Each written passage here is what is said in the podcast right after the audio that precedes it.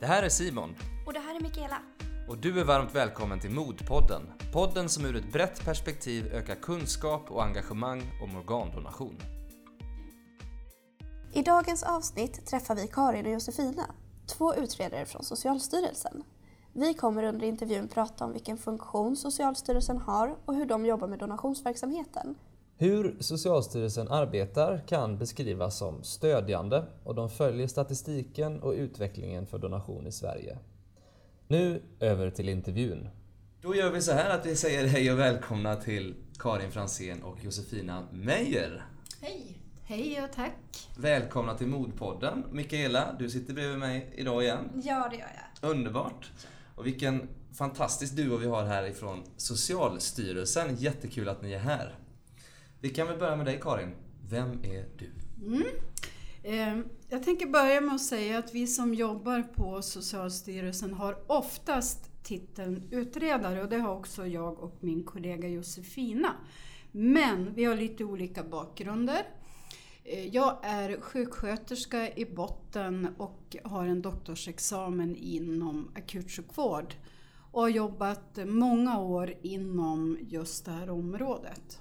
Men nu jobbar jag på myndigheten med de här frågorna sedan tre år tillbaks. Så det var lite om mig. Mm. Och eh, jag, Josefina, jag har en bakgrund inom biomedicin och eh, har främst arbetat inom eh, life science-sektorn innan jag kom till Socialstyrelsen för nu tre och ett halvt år sedan. Och som sagt, här jobbar vi som utredare tillsammans på en enhet som heter patientsäkerhet med donations och transplantationsfrågor. Men vad gör Socialstyrelsen som myndighet? Mm. Eh, Socialstyrelsen är en statlig myndighet som ligger under Socialdepartementet. Och det betyder alltså att vi jobbar på regeringens uppdrag med en instruktion som ligger i botten och styr oss i vårt uppdrag. Eh, Myndigheten har en eh, mycket bred verksamhet som rör hälso och sjukvården och socialtjänsten. Och ytterst så syftar det till att alla ska ha tillgång till en god vård och omsorg på lika villkor. Och bland annat så innebär det att vi tar fram och utvecklar statistik, regler och olika typer av kunskapsstöd till vården och omsorgen inom olika områden. Och här är ju då donation ett av de områdena som vi jobbar inom. Hur är det med lagstiftningen och donationsområdet? Kan ni förklara lite mer kring det? Mm. Ehm, det kan jag göra. Det är en ganska komplex fråga.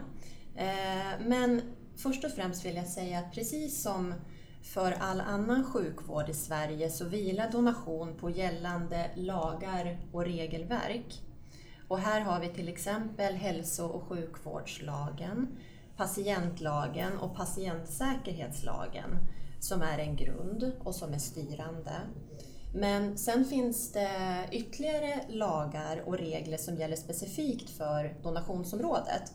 Och utan att gå in på för många detaljer så kan man säga att det här ligger på lite olika nivåer. Från direktiv på EU-nivå till svensk lag där det finns en särskild transplantationslag men också till andra författningar och föreskrifter som rör donation och transplantation. Så att eh, ett huvudbudskap här är egentligen att allmänheten kan känna sig trygg med att det finns ett ordentligt regelverk på det här området eh, som handlar om en, en god och säker vård för patienterna. Kan ni berätta lite mer om hur Socialstyrelsen jobbar med donationsfrågor? Ja, Socialstyrelsen, alltså vi på myndigheten, vi har ett, ett tydligt uppdrag att främja donationer och vi arbetar med hela donationsområdet.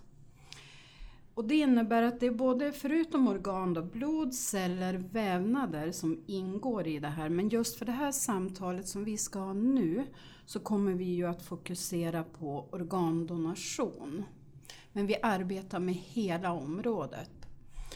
Lite kort om hur vi arbetar för övrigt så ska jag vilja börja med att säga att vår strävan på myndigheten är att alltid arbeta proaktivt. Och exempel på det, det är att vi förutom att vi ger ut årliga lägesrapporter inom donations och transplantationsområdet så är också vårt uppdrag att vara kunskapsstödjande till sjukvården i olika former utifrån vetenskapen och utifrån beprövad erfarenhet.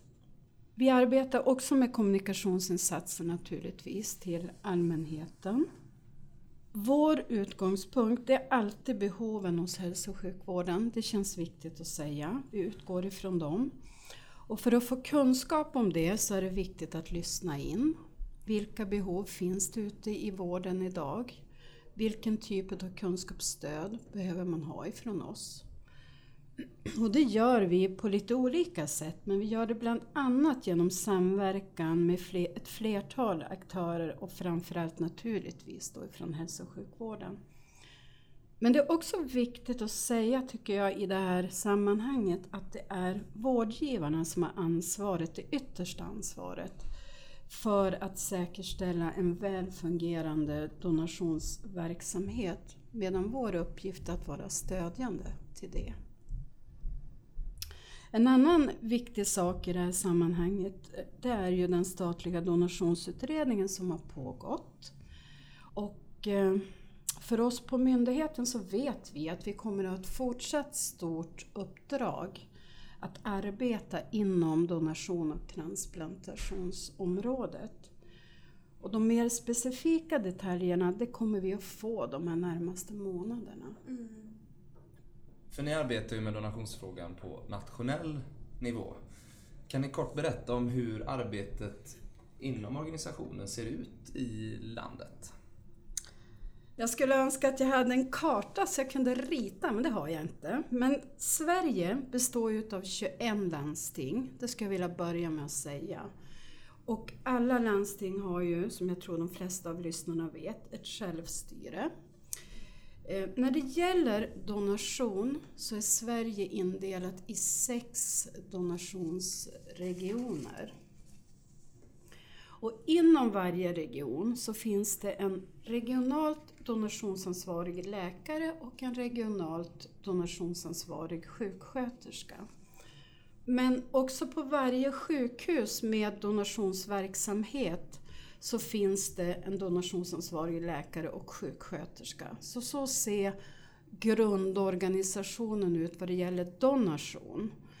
När det gäller transplantation, som ju är en både framgångsrik och ofta livräddande behandlings metod så sker transplantationerna av organ idag på fyra universitetssjukhus i landet. Och eh, där finns det då en annan funktion. Det finns transplantationskoordinatorer som samordnar eh, verksamheten mellan transplantationsenheterna och donationssjukhusen. För båda de här funktionerna, donationsansvarig läkare och eh, sjuksköterska och transplantationskoordinator, så är det ett tydligt regelverk att det ska finnas eh, den funktionen på plats. Och när det gäller just transplantationskoordinatorerna så ska de finnas på plats dygnet runt. Och alla dagar på året. Det är lite kort om hur det ser ut. Mm. Så allt hänger ihop, det är ett team. Eh, och ni på Socialstyrelsen följer ju utvecklingen inom donation och transplantation i Sverige.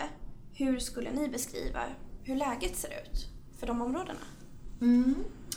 Eh, det stämmer. Vi följer eh, utvecklingen på det här området. Och eh, man kan säga att läget för organdonation visar på en positiv utveckling i Sverige under de senaste åren. Resultatet från i fjol eh, visar på det högsta antalet organdonatorer inom intensivvården som har rapporterats. Och allting tyder egentligen på att den här utvecklingen fortsätter nu framåt i rätt riktning. Men trots att antalet donatorer ökar så är efterfrågan fortfarande betydligt större än tillgången på organ för transplantation. Så här har vi ett glapp. Och det är många människor i Sverige som är uppsatta eh, på väntelistor för att man behöver ett eller ibland flera organ. Och under 2016 så var det 21 personer på väntelista i Sverige som dog innan de hann få en transplantation.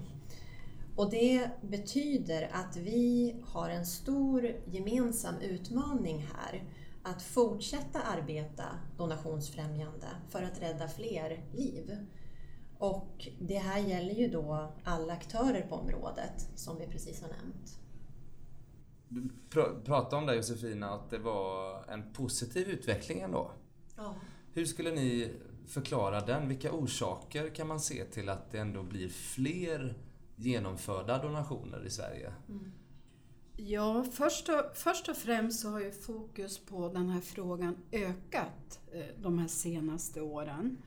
Inte minst på grund av den statliga utredning som jag har genomförts. Men eh, vi vet att det inte är en isolerad insats som avgör den här utvecklingen, den här positiva utvecklingen. Utan det handlar i huvudsak om tre olika områden. Och det handlar om att eh, hälso och sjukvården skapar en organisation, alltså bygger ett hus för att främja organdonation. Att skapa den här organisationen, det är otroligt viktigt. Det handlar om att man ger utbildning till intensivvårdspersonal och inte minst som tredje område att ge stöd till närstående i en donationssituation.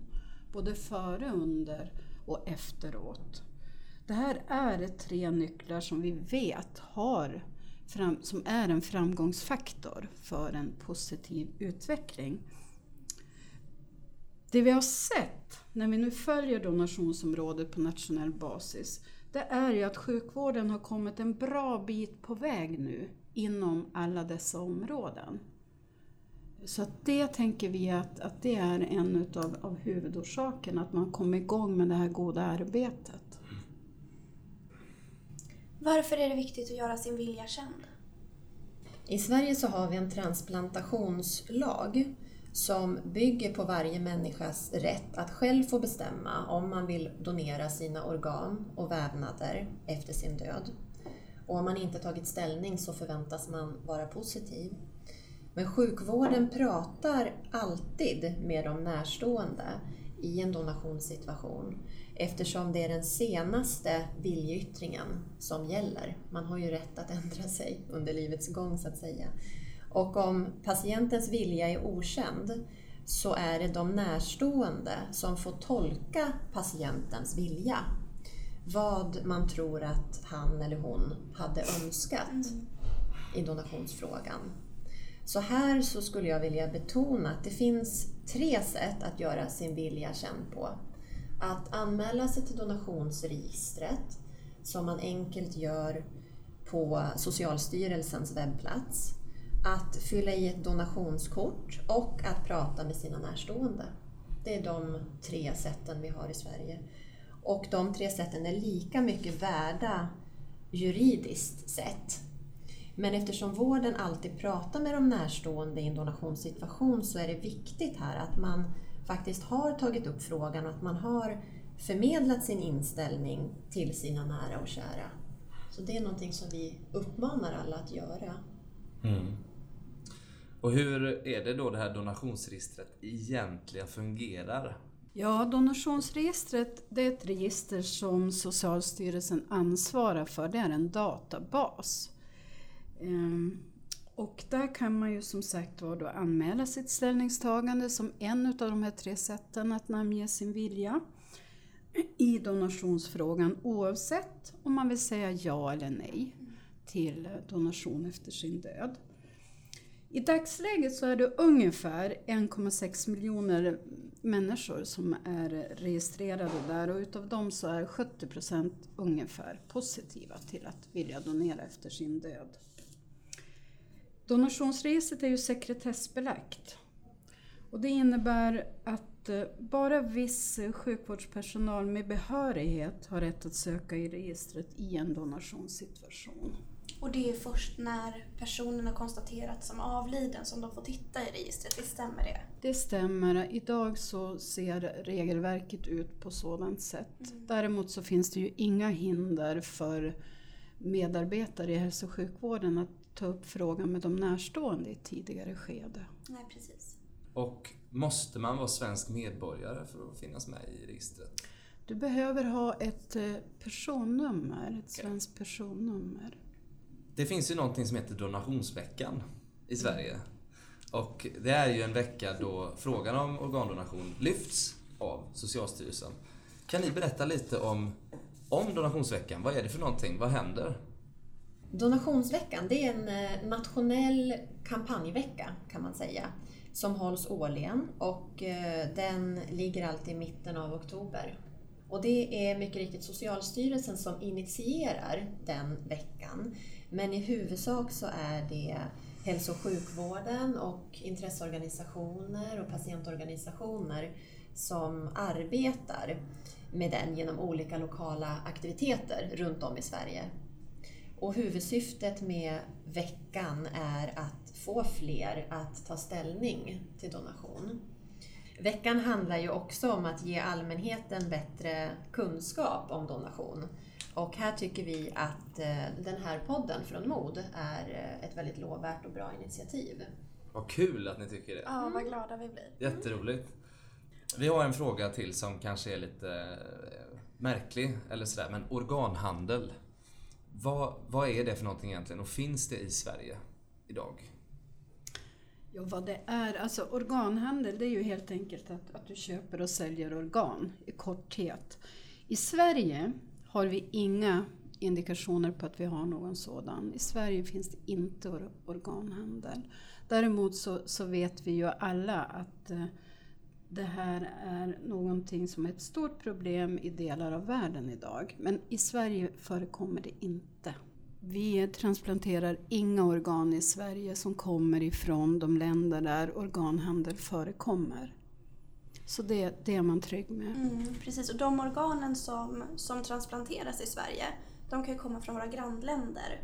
Eh, hur fungerar det? Vill ni berätta lite om det? Scandal Transplant, eh, Eh, som det heter, det ägs utav eh, tio sjukhus i de nordiska länderna. Alltså Norge, Sverige, Finland, Danmark och Island.